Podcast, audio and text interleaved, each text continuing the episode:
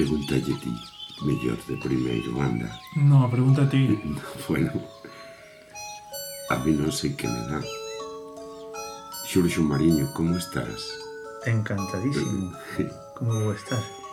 Dixemos ya Xurxo... Bueno, isto foi idea túa, Lois. Sí, un pouco sí. Empecemos a casa polo tellado, non? Sí, pensámoslo, de feito, ao revés. Tivemos primeiro a idea do tellado e logo foi como, eh, espera, que este é un inicio, empezamos polo Tellado, bueno. O que, o que se tiña máis claro era que Xurxo Mariño debía ser o noso primeiro convidado. Oxe mesmo preguntei Xurxo, bueno, somos amigos, somos moi amigos. E eu dixen, Xurxo va ser un coballa, E dillo que me respondiche, Sandra. que me sentía como unha rata feliz. e mandou o emoticono da rata feliz. Sabes unha cousa, Carlos e eh, Elois, que as ratas, cando se observou no laboratorio, claro, como se traballase moito con elas, eh, descubriuse que teñen cosquillas. Que teñen? Cosquillas. Cosquillas? Sí, é dicir, que as ratas felices existen. Existen as ratas felices? Mm -hmm. Claro, joder, canta xente nos bancos non? non sabía... Bueno, a Xurxo ten estas cousas, a que si, Lois? Sí, sí. A mí, o día que me contou que os elefantes se emborrachaban, non podía creelo. Para que con ese peso tiene que beber bastante para emborracharse. É certo ou non é certo? Sí, pero non é... Claro, non, non beben, non. O que fan é, é comer froitos que están fermentados. Ah. Pero, pero se encagallonan. E logo van abaneando, non? Como na película aquela. Sabes por que queríamos estar no tellado pa ver as estrelas, non? Porque con Xurxo Mariño, que é divulgador científico, entre outras moitas cousas, aprendes a mirar as estrelas, non? E a, e a puñeta é que vivimos en, en lugares con demasiada luz, non? Uh -huh. E, eh, e perdemos ese espectáculo. Exactamente. eh, a contaminación lumínica é un problema gordo. moitas veces nin nos decatamos porque xa vivimos sempre así. A xente que mellor sempre viviu pois nunha cidade ou nunha vila grande pero o o, o bonito iba a decir pero non sei se é bonito que os nosos antecesores de hai 60.000 anos, de hai 100.000 anos Ay, pois gozaban todas as noites sempre que non houvese nubes, claro. Claro. Dese espectáculo impresionante que no, no fondo é algo que nos roubou a, a, a evolución, que nos roubou a, a, a modernidade, roubaron nos o ceo.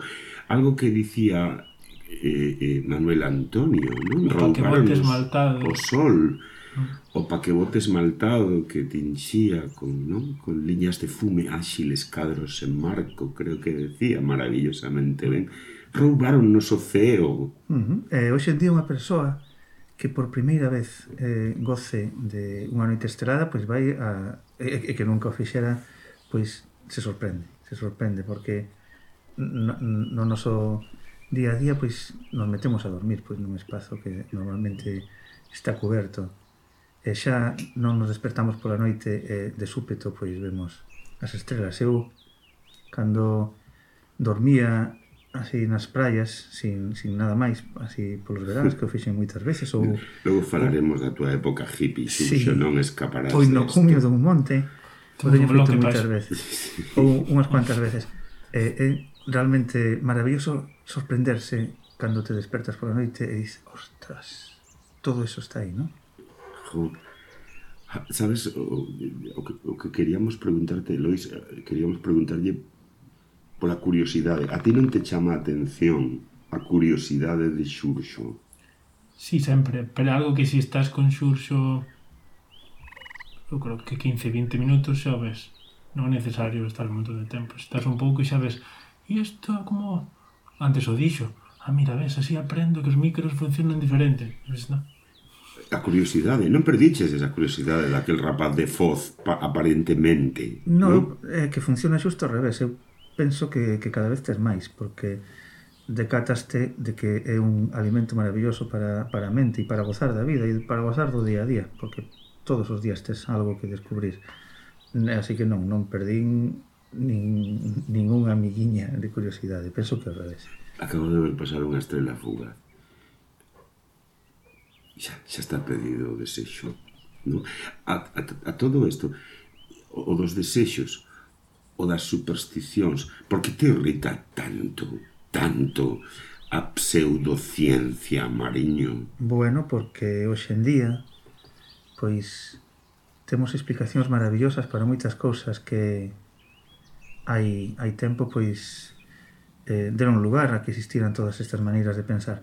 É totalmente comprensible que os seres humanos busquemos explicación ás cousas. Uh -huh. E que nos inventemos explicacións, que iso é o que son pois as pseudociencias. Mais agora, a ciencia ten a capacidade de levarnos a descubrir mundos que son incluso moito máis sorprendentes que o que alguén se poida inventar. Neste caso, a realidade supera con moitísimo todo tipo de babecadas pseudocientíficas. Por eso é un pouco irritante, porque non é necesario inventarse as cousas. Cando temos esa ferramenta que se chama ciencia que nos descubre pois aspectos maravillosos, sorprendentes, raros inesperado, inesperados do, do mundo no que vivimos. Pois sí, non? E máis en cabrearse, ni nada. Non, bueno, eu teño visto a Xuxo cabrearse bueno, agora, claro. ante algunha destas cousas, eh, e, e non é fácil ver a Xuxo Mariño cabreado. Non? Pero por eso yo preguntaba, porque sí cuando ya aparecen estas cosas así, que si homeopatía, que si el horóscopo, que si tal, ahí, ahí empezas a revirarte, ¿no? Claro, porque eh, son eh, eh, formas irracionais, ao mellor, de, de buscar algún tipo de solución a algunha enfermidade ou Uh -huh. de buscar eh, pues, acubillo para algunha, algunha inquedanza que tes. Pero como decía, eh, agora temos maneiras para, para buscar ese tipo de, esas solucións. Moitas veces a xente que, por exemplo, pois recurre á homeopatía, é xente que, pois, que, que non ten ou que xa mirou outras cousas e pensa que iso lle pode funcionar, non? Que pode ser. Home, e nesta época, eh, notar, igual notades que este programa estámoslo facendo enmascarados, porque hoxe xuntámonos un Roy Rodríguez que está na técnica, e Lois, e Xurxo, e e un servidor, Carlos Blanco, decidimos facelo con máscara e o, o, o signo dos novos tempos, por eso tamén ao mellor chega un pouco máis velada a nosa voz. Uh -huh. Pero bueno, é o que toca, non? Sí, hai un virus que decidiu por nós, non? Realmente, sí. nos o que decidimos ser consecuentes. Mira, pedimos che... Cantas foron, Luis? Canta... Luis, cantas cancións lle pedimos? A ver, tres. Tres. Nos unha cada un. Nos unha cada un pedimoslle tres cancións, que escollese tres cancións a Xurxo. Imos ir baixando do tellado para que vexas un pouco como é a casa por, por dentro, como é Vila Araúxo, esta casa imaginaria que hoxe inauguramos contigo. E pedimoslle tres cancións, e bueno, como esperábamos, foron tres cousas ben distintas. Interesantemente eclécticas. Sí. E a primeira, non sei se Roy pode ir poñendo a, a Led Zeppelin. É Led Zeppelin, non? A ver, eh, vou a poñer Roy, pero a primeira que propuxen era de Zeppelin, sí. Esta.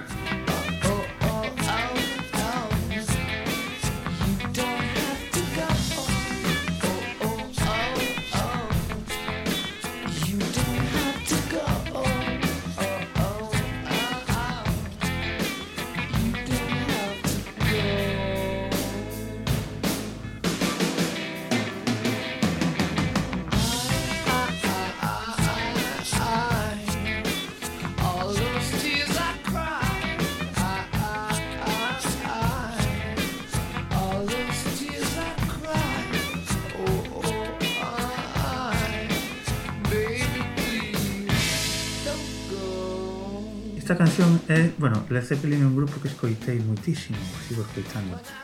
É un grupo que precisamente é ecléctico, eh, son son moi diferentes unhas cancións de outras.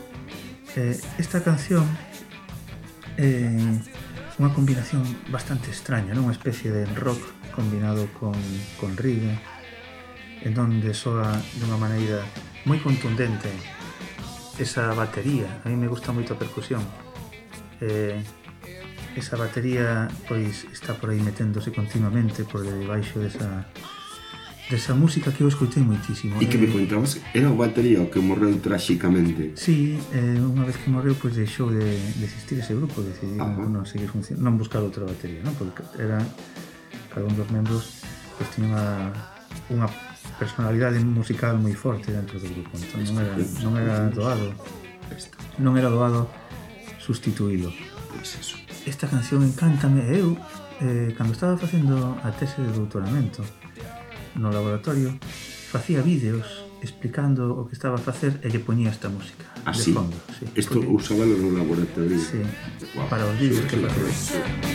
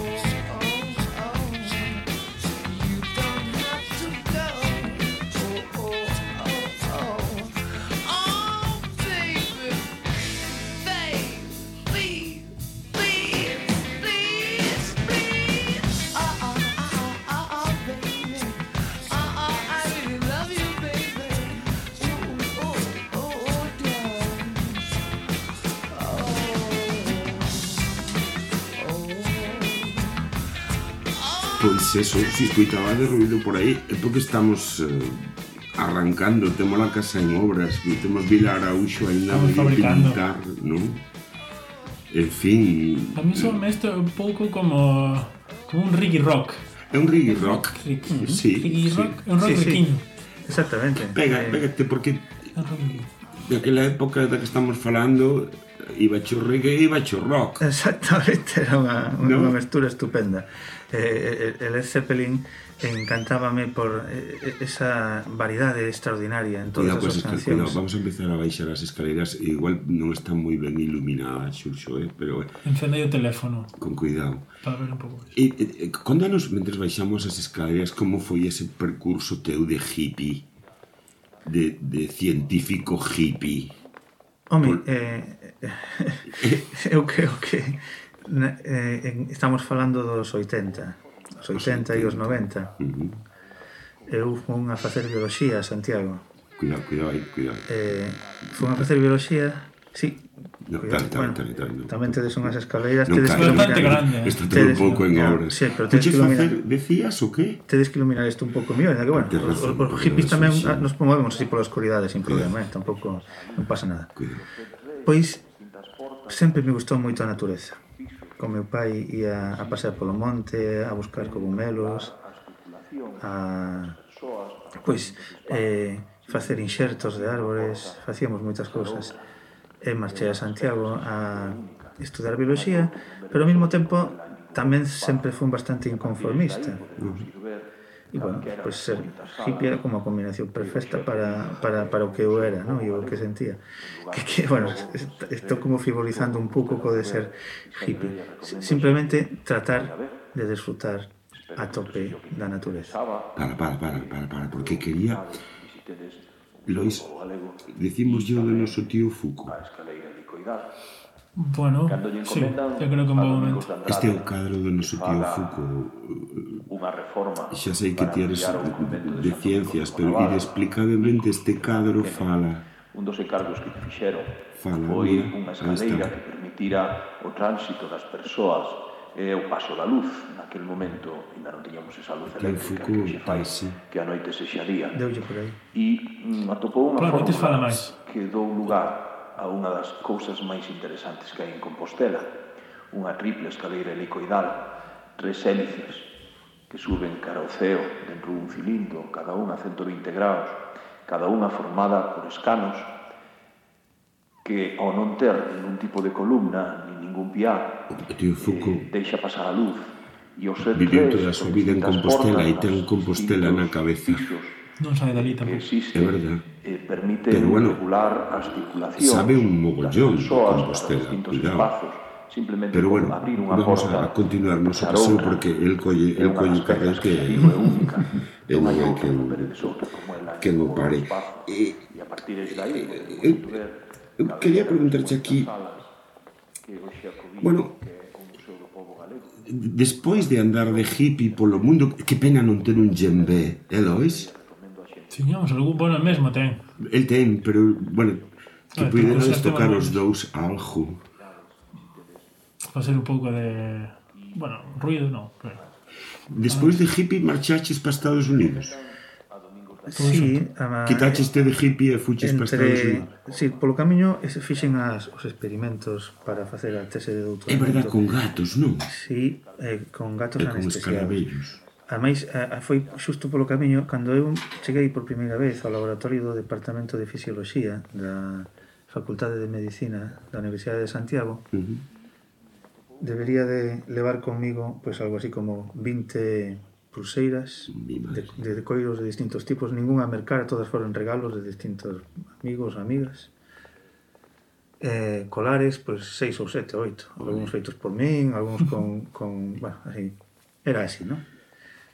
Eh, nada máis chegar ao laboratorio, xa me decatei de que tiña que cortar todo eso, quitarme todo eso. E porque sí. nun laboratorio tens que estar traballando nunhas condicións de de hai que lavarse moitísimas mans, hai que poñer guantes, así que eh, me quitei todo eso en certa medida aí quitei unha especie de capa de hipismo que, que levaba eh, aí estive en cinco anos eh, no laboratorio tratando de comprender como falan entre sí mediante impulsos eléctricos unhas neuronas moi concretas dunha parte do cerebro Ostras. Ños. E cinco anos con eso. cinco Sí. anos con eso eh, e logo seguín, claro, seguín facendo ese tipo de investigacións tamén en Estados Unidos e despois na Coruña está, estaba mirando o nome da, da tese e, e eh, bueno, impresionaba. A verdad que por unha vez Wikipedia, se pos Xurxo Mariño, parece que acerta, non? Si, sí, alguén se tomou a, a, a non sei se a molestia ou o tempo para, para investigar que cousas tiña feito ao longo do tempo e aí, aí o puxo. E este, antes de chegar ao xardín, eh, porque imos ao xardín de Vilar Auxo, Eu quería, queríamos preguntarlle por Foz, non, Luis? Cara, quero un pouco para atrás. ¿Mm? Un pouco para atrás. Pois pues pregúntalle por De Foz. onde sale Xurxo? De Foz. De, de onde sale? Pois pues de Foz, claro. Sí. De Foz. É focense. Inda que o primeiro ano de vida o pasei na Fonsagrada, Olé. onde vivían meus pais. Cheguei a Foz con un ano. Eh, resultou ser, resulta ser un, un sitio maravilloso para, para pasar a infancia e adolescencia, porque realmente é unha vila xa de tamaño pois mediano, podemos decir, pero está nun, nunha costa maravillosa, cunha ría maravillosa chea de, de A mí que me impresiona de, de Foz é esa, esa saída ou entrada dos barcos ao mar, porque é desde a praia, de, non? É, é impresionante esa visión dos, dos barcos saindo sí, para o Atlántico, ser espectacular non? e complicada para sí. os mariñeiros cando hai algo de marexada. A Rapadoira, esa praia. A praia da Rapadoira, Rapadoira. é unha das, das de Foz, Rapadoira, sí, a, a que está ali no, no, no casco urbano. Ese no casco urbano. Chega o momento de tua música, Lois tamén escolleu unha, non? Eh, Xurxo, logo escoitaremos as outras túas. Por que e, e cal imos escoitar, Luis? Estive escoitando moitas e o curioso, bueno, pareceu a mí dende fora, que que todas tiñan bastante enerxía. Porque como eu teño a sensación eh? de que o xurxo non para moito, logo si, sí, temos unhas siestas e tal, pero... Bueno, isto que soa é eh, Mambo Jambo. Mambo Jambo. O, grupo que me gusta moito, que me levaba, bueno, a esa sensación de, de rock and roll que Xurxo está aí. Está aí, pero Nos Mambo Jambo Sí. sí. Parece chiquita en un rock and roll A mí sí. Bueno, parece que Xurxo estás Encántame, Lois, encántame Sube, sube anda Mambo Jambo Anda que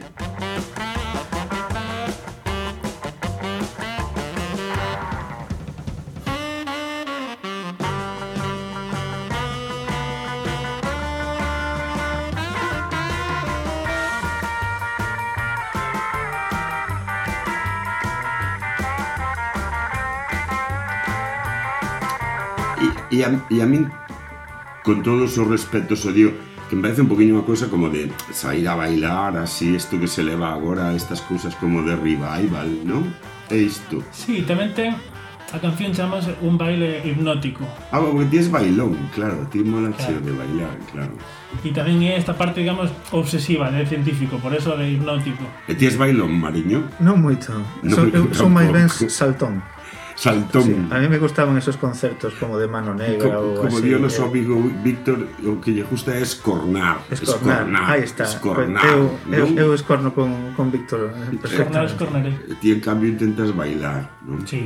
Bueno, esta música préstase, non? Música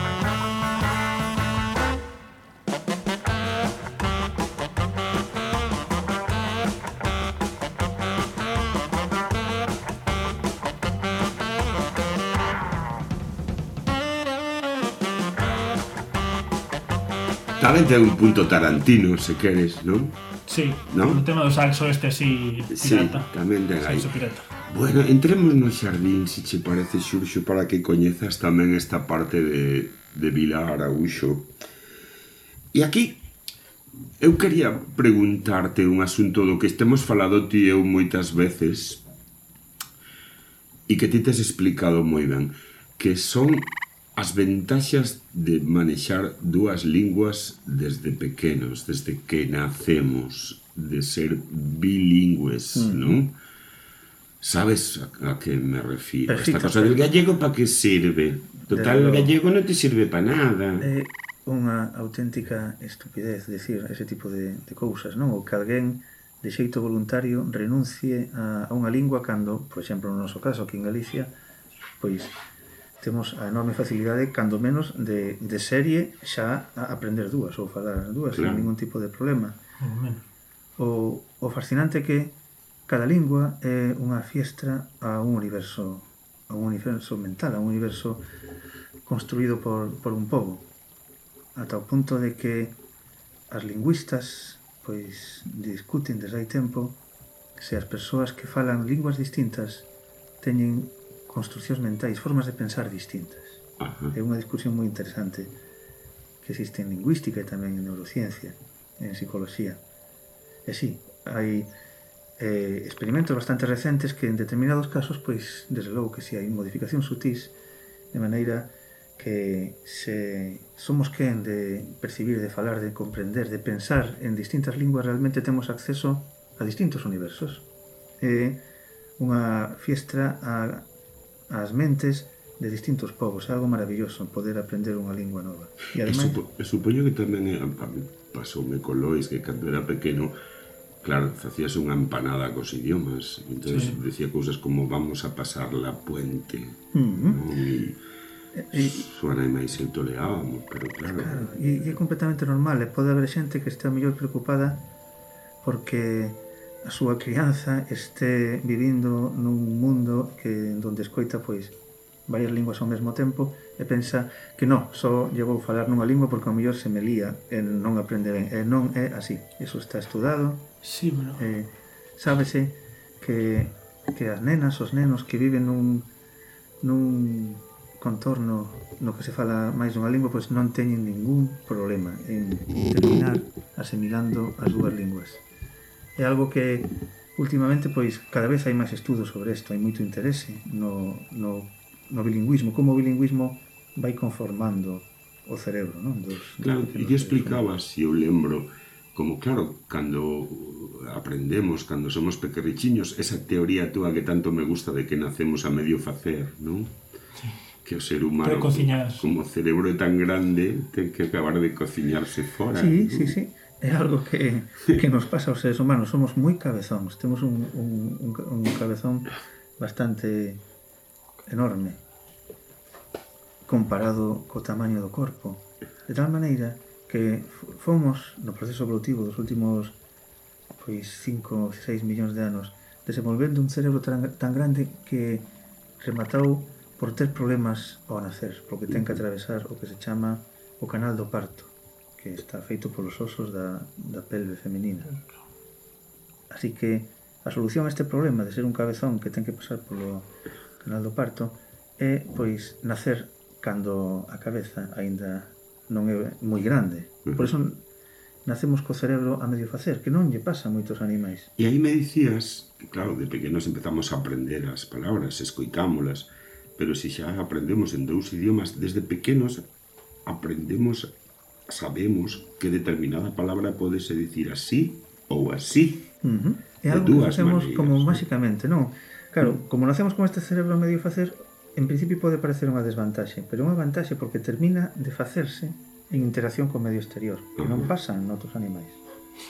De maneira que eh, se escoitamos dúas linguas ao mesmo tempo, dunha maneira que non sabemos como, as, a, as nosas crianzas rematan por separar perfectamente unha lingua da outra. Incluso eh, pode, pode existir problemas e confusión ao, mismo, ao, ao principio. É normal, de, é normal que sexa así. Pero rematamos por construir dous universos lingüísticos sen ningún problema. É algo maravilloso, case máxico. Claro. claro. Eu entendo que igual por eso, claro, que é unha cousa que diferencia o cerebro a outros órganos que é que todo o mundo di que sabemos moi pouco. Quer dizer, parece que hai unha percepción de, digamos, que os outros están máis menos controlados, pero que o cerebro pasa o contrario. entonces a pregunta é, ata que punto sabemos ou canto sabemos e canto non? Porque hai esta sensación de... Eu supoño que é por... Eh, precisamente porque como sabemos que podemos aprender continuamente, non sabemos hasta que punto podemos aprender. Sí, a aproximación da ciencia a, a, aos, aos animais, a, a, aos, as plantas, a biología, ten sido reduccionista. Vamos mirando cada vez cousas máis e máis pequenas, mirando as súas partes.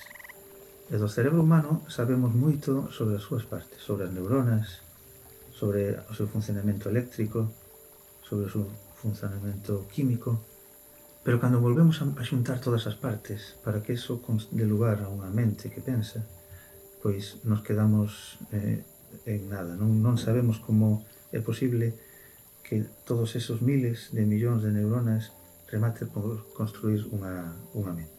Aí está. É o momento da segunda música que escolleche Xurxo eh, eh pona, Roy, e, e logo falamos. Dalle, dalle aí, porque should should I?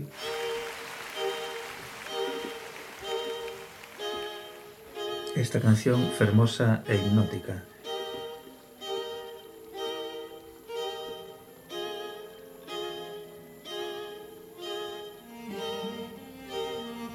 Isto non é Led Zeppelin.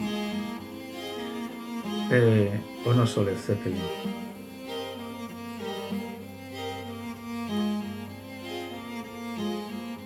son fuxemos os Fuxen os O carro Por eso meu carro canta Canta o seu eixo tamén. Fíxate que eu nunca souben o que era a señardade Que é a señardade? Eu sei, eu, eu, agora mesmo, non? Mira, non, Levo anos dicindo que, eu, que demo é a sellana Eu, eu, eu mirei no, busquei no, no, busquei no María Leva, rede. como digo sí, sí, sí, sí, pero, mas a, agora non sabería dicirche É fermoso en todo caso. Fino como gaso vino Anque as vegadas saudoso Cantamos, non? Non canta na xa ninguén. Powiedz, Bokaro, canta, canta, Señor, que a señora de... Ainda que non saibamos o que a señora da sí, espántanos. No? Sabe ese carballo e freixo que fermosa a súa feitura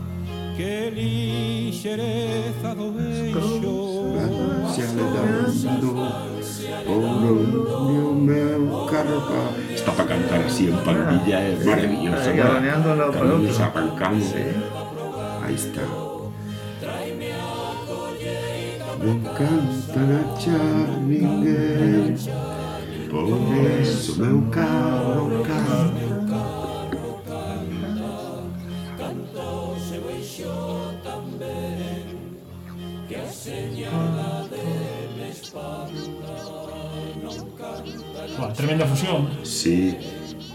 Sabes o, sabes o que está soando xunto a fuxan os ventos? Parecen como debuxos animados. Pois, fíxate... Por certo, que esta canción de Fuxan é do seu disco Terra de Soños, un, un directo. E isto que está subindo... Son extraterrestres.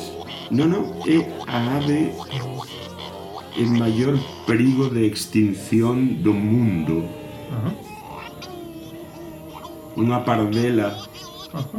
que habita nas Azores e, e Madeira tamén é que se chama o cagarro. Ah, agora xa me dou conta de que ave, sí, sí. Moi singular. Sí. Este, este son a nos toleounos unha noite inteira. Sí, xa, pois xa vou contar, sí, sí. Escoitas isto e que pensas? un bebé de alien. Algo raro. Claramente. Que alguén deixou, algo raro. Sí, que alguén deixou o canal Disney no, encendido. Pero impresiona. Sí. De todos modos, nos ven ben para, para falar das viaxes, non? Con Xuxo, bueno, claro, Bo. escribí un libro sobre o varios sobre o tema, non, Luis? Podría facer máis. Pero Pero publicados hai un. Publicado esta Terra, Terra que é maravilloso, polo que levaches premios e, e todo iso, e, e sobre todo, supoño, o mellor foi vivilo. Claro. Dá un pouco de envexa lelo. Como da envexa? Dan ganar de estrangulalo. Todos viaxamos cos libros. Eh, eu penso que sempre se comeza viaxando por, con un libro. Tamén viaxamos coas conversas con outras persoas. E despois pois está o terceiro formato que é facelo ti mesmo, non? En primeira persoa. De, de corpo presente.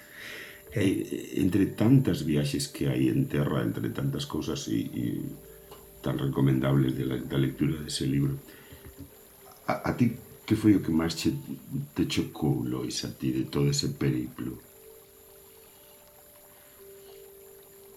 A ver, agora mesmo varias cousas, pero agora mesmo recordo a parte do Colorado.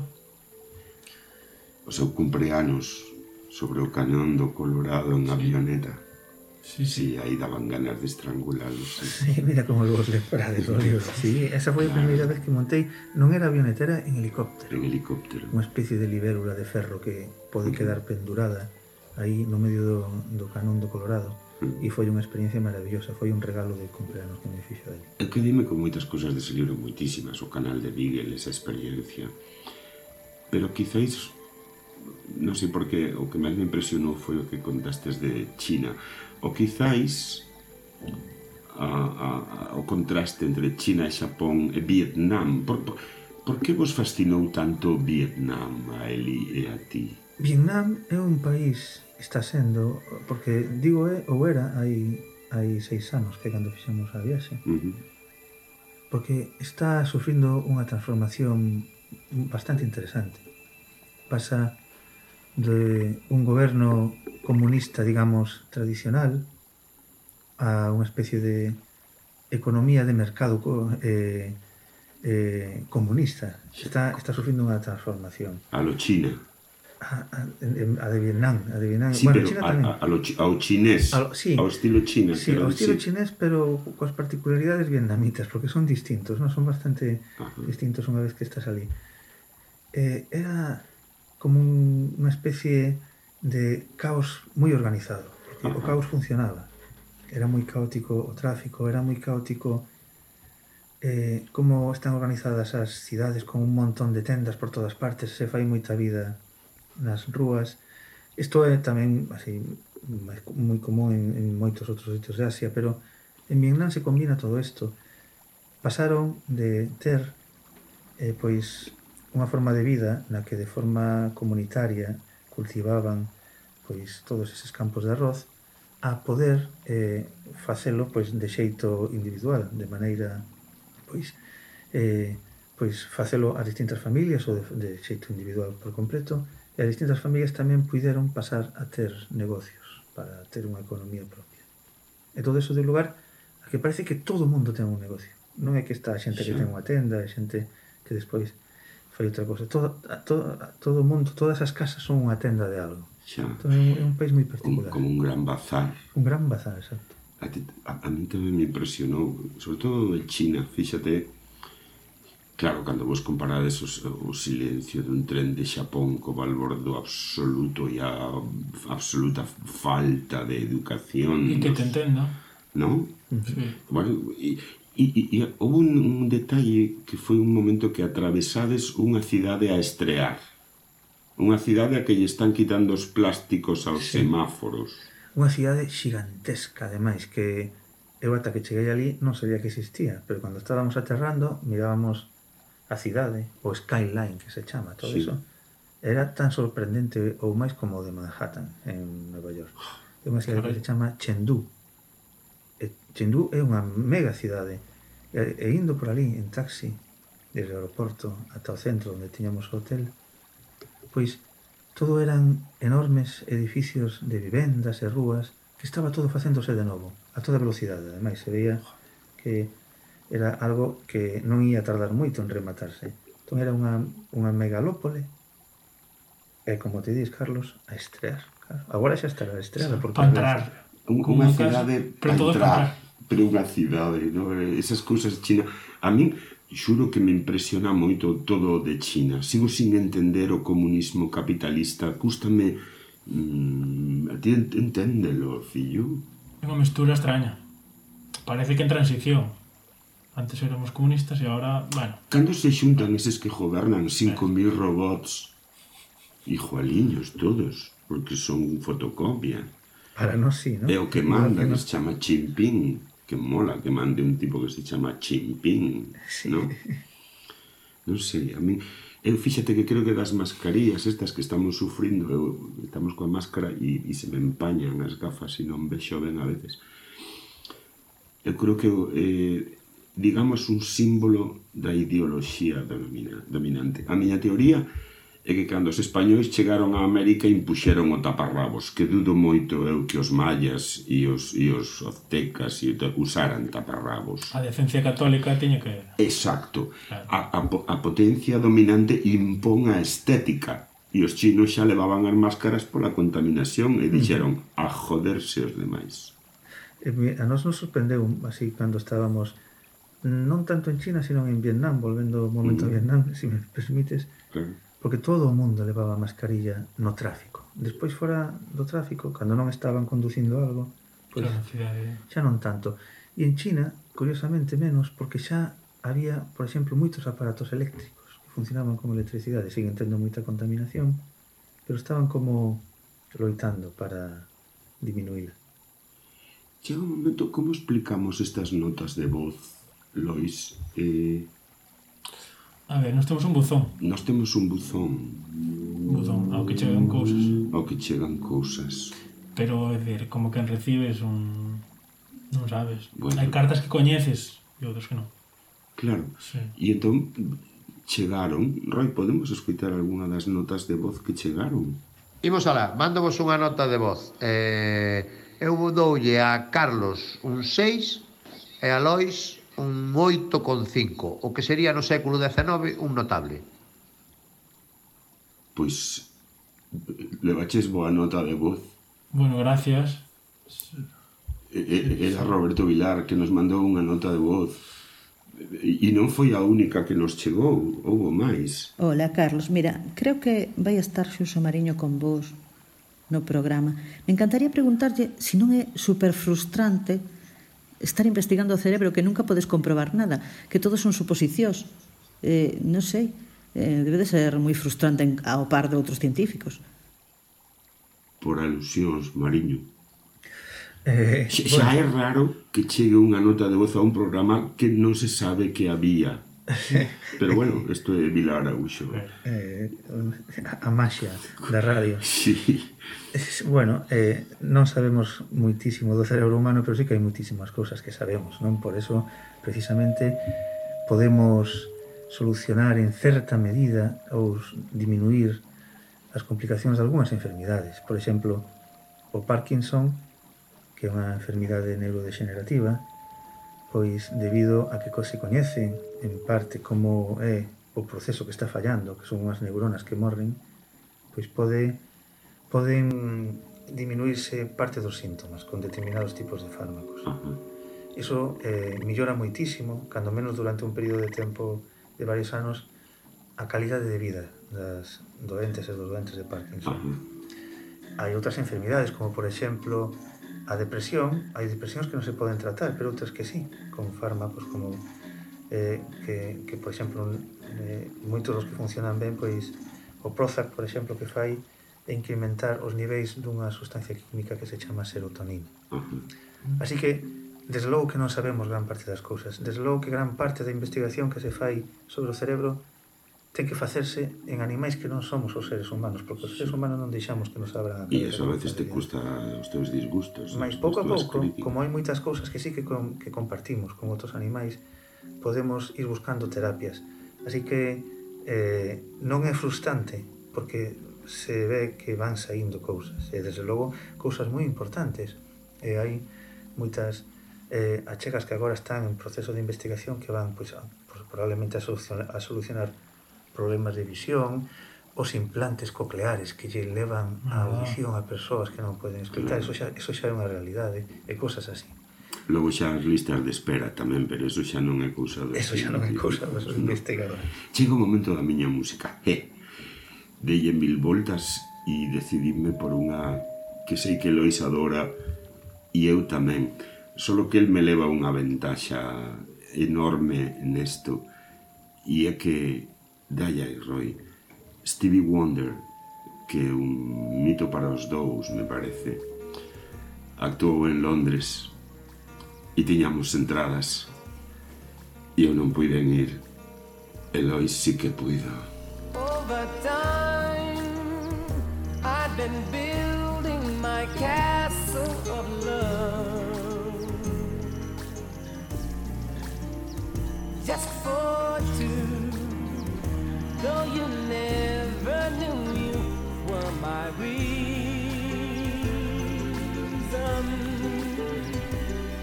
I've gone much too far for you now to say that I've got to throw my castle away over Anda que non nos temos derretido, fillo, con esta canción no coche, eh? Eu hasta hoxe estive escutando, pela mañá. É que Overjoyed chamase, non? E, bueno, é un, supoño que para Xurxo un pastel porque a él gustanlle cousas máis heavy metaleiras. No, Pero A Roy bueno, a Roy tamén, pero Sí. a, a, a Lois e a min gustanos estas cousas, sabes? Estas cousas que es. from too far away for you to say come back some other day and though you don't believe that they do A todo isto, como xa non tes moito tempo que eres un home ocupado, queríamos levarte ata a praia, se non che importa. Encántame. Damos un paseiño ata a praia mentre só a este vivo. Ademais aquí este despreto. Ah, mira que...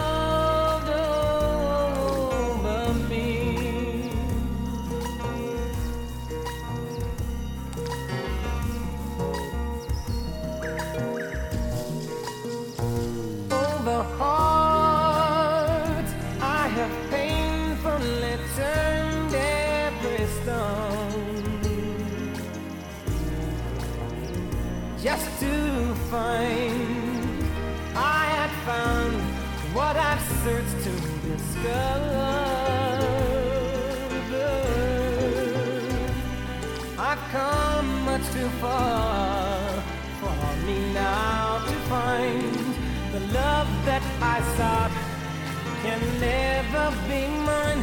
And though you don't believe that they do, they do. Porque si temos algo en común, temos moitas cousas en común, Mariño. É que o mar é moi importante nas nosas vidas, non? É, esencial, é unha especie de, de ar aí, no. de, de, de, iba a decir de ar líquido, por eso queda así como raro. Ah, de, no, está ben de sí, de, de, de igual que o ar neces, o necesitamos para os pulmóns, pois pues tamén necesitamos esa especie de masa extraordinaria de auga para a nosa mente. Ti, cando vives sin mar ben, Lois, non tes problema. Ah, Adaptome. Hmm? O mar de bosque, sí, sin problema. Home, a ver, si... Sí pues, eh, eh, ti agora estás traballando moito en Madrid, eu tamén, e, e, e tal. Un adaptase, é verdad.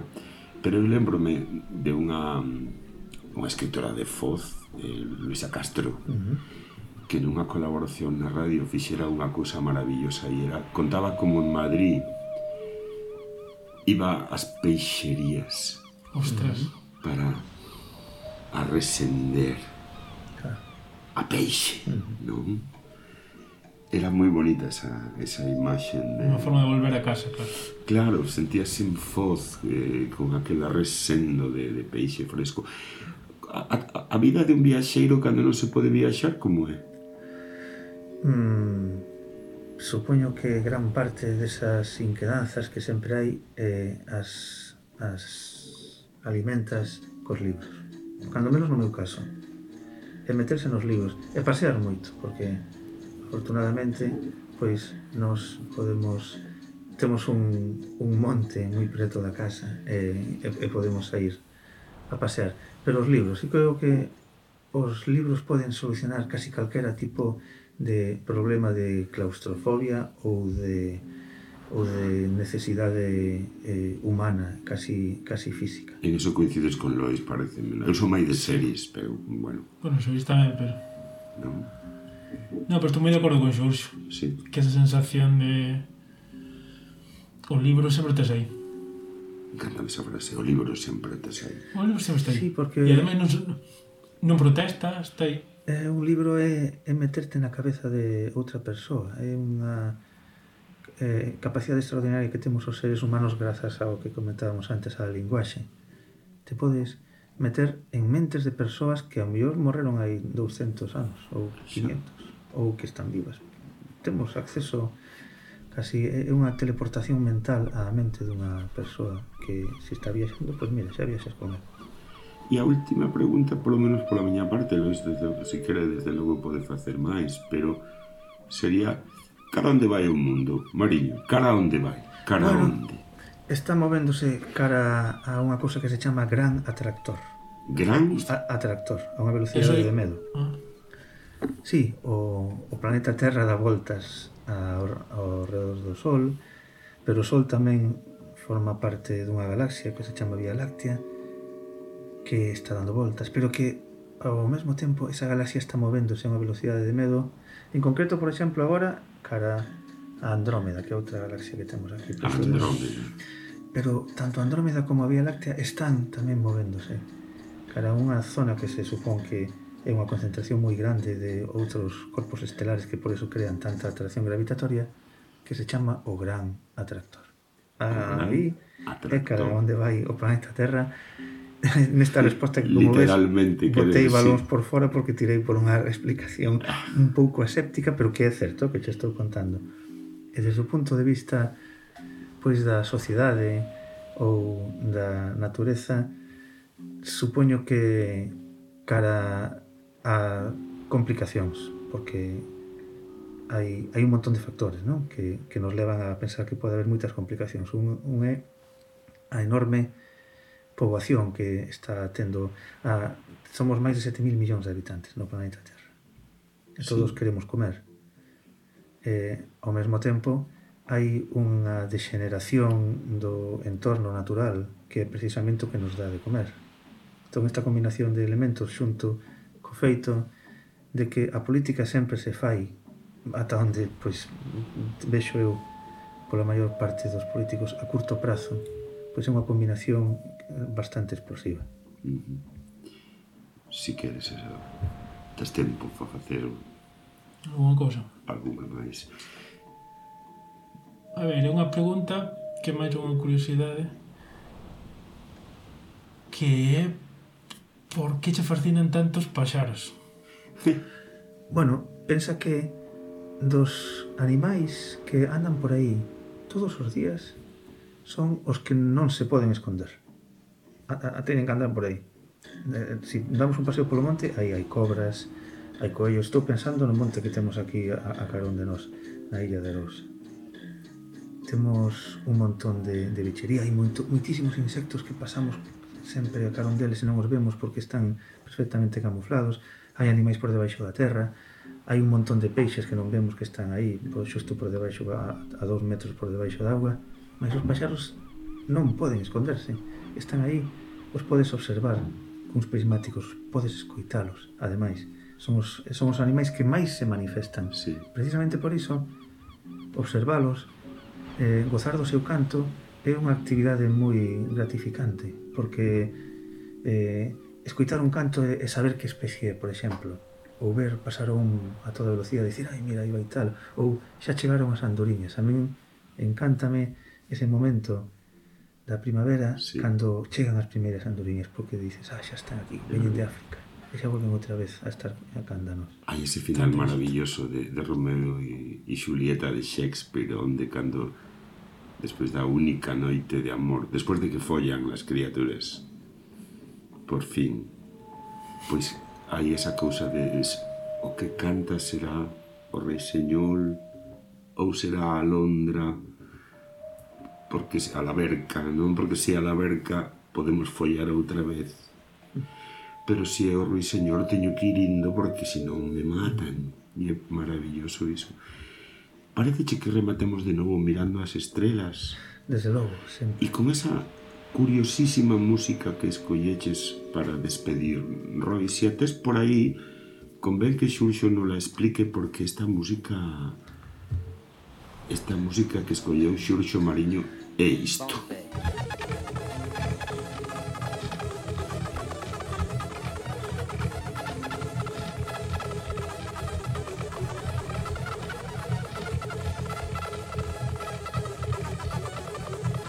Estamos nun caos, pero pouco a pouco a cousa vaise organizando.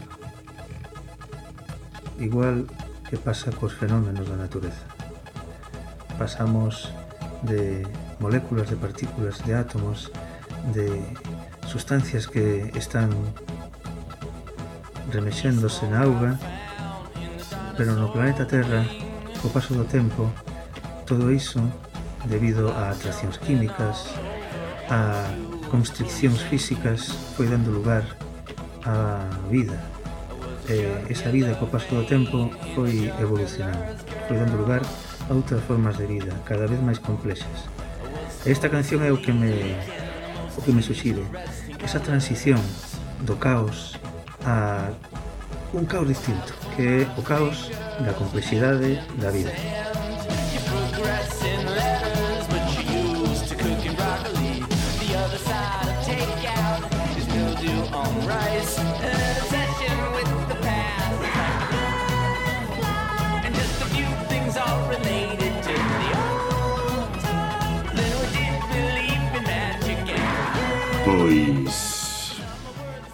A outra. Ata a próxima, Xurxo. Moitísimas grazas.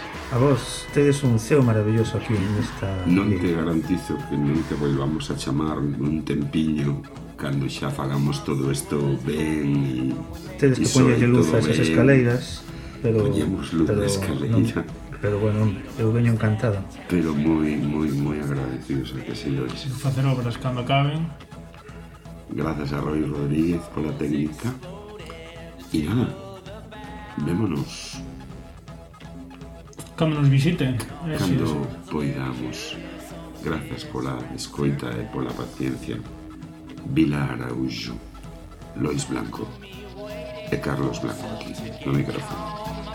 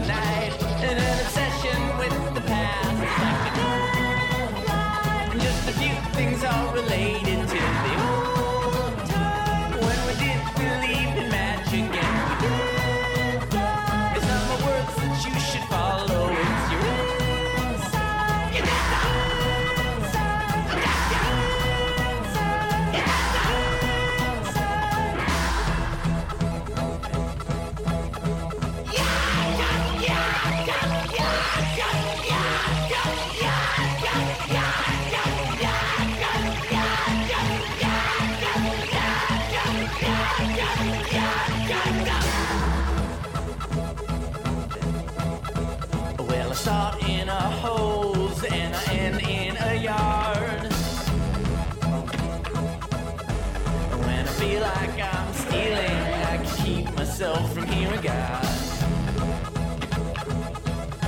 Only the taste of your cooking can make me bow on the ground. It was the clouds that carved the mountains, it was the mountains that made the kids scream. Well, she bore all her